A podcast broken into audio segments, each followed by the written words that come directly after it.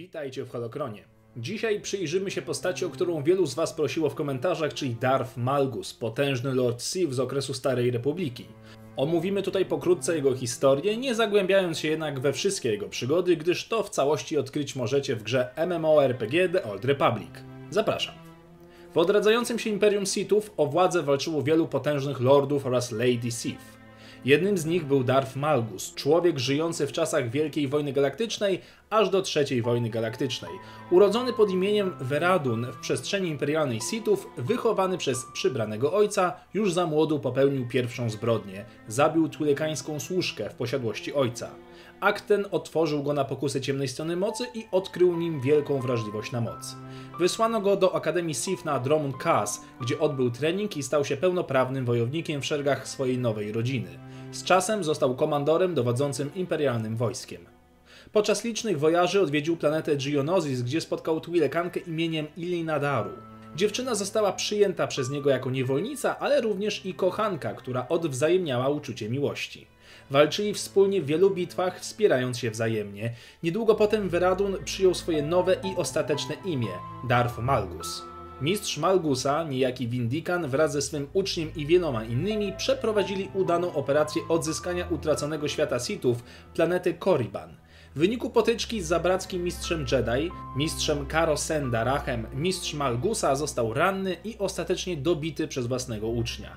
Malgus nie zamierzał jednak się zatrzymywać. Niedługo potem przeprowadził atak na Alderan.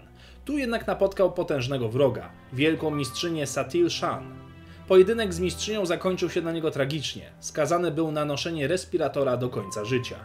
W kolejnych latach Sithowie starali się podejmować rozmowy pokojowe z Republiką, które były jedynie odwróceniem uwagi od ich prawdziwego celu ataku na Korsent. Malgus został wybrany przez Darth Angrala na jednego z liderów w przeprowadzeniu inwazji.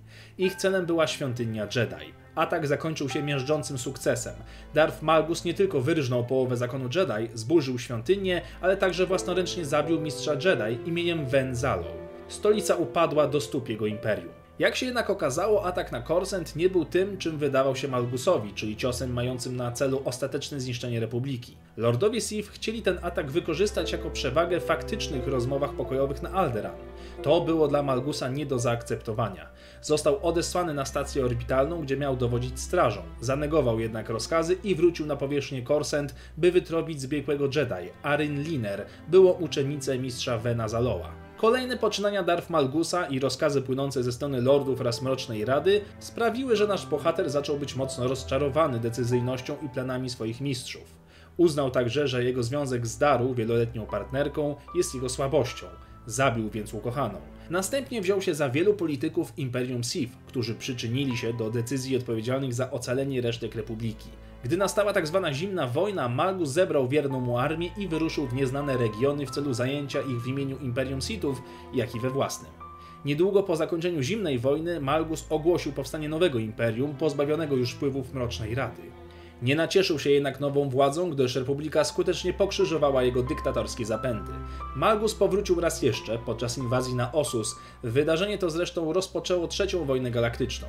Darth Malgus dowodził tu wojskami, służąc u cesarzowej Asiny.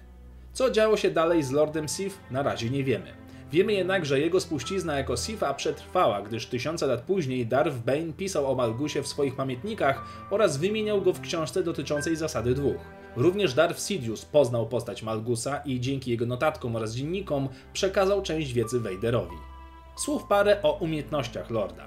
Po pierwsze, był poliglotą, znającym liczne języki obcych ras. Nie przeszkadzało mu to jednak w mordowaniu całych zastępów wrogów, był bowiem wojownikiem na pierwszej linii frontu i uważał, że urodził się właśnie po to, by walczyć. Rycerzy Jedi uważał za wyjątkowych głupców, rozumiejących mocy jedynie częściowo, choć doceniał potęgę niektórych z nich. Malgus nie tolerował przegranej ani jakiejkolwiek formy porażki. Był wyjątkowo odważny na granicy szaleństwa. Podczas wyjątkowo zażartych bitew był gotów nawet mordować własnych sojuszników, by tylko zaspokoić chwilowy głód mordu i walki.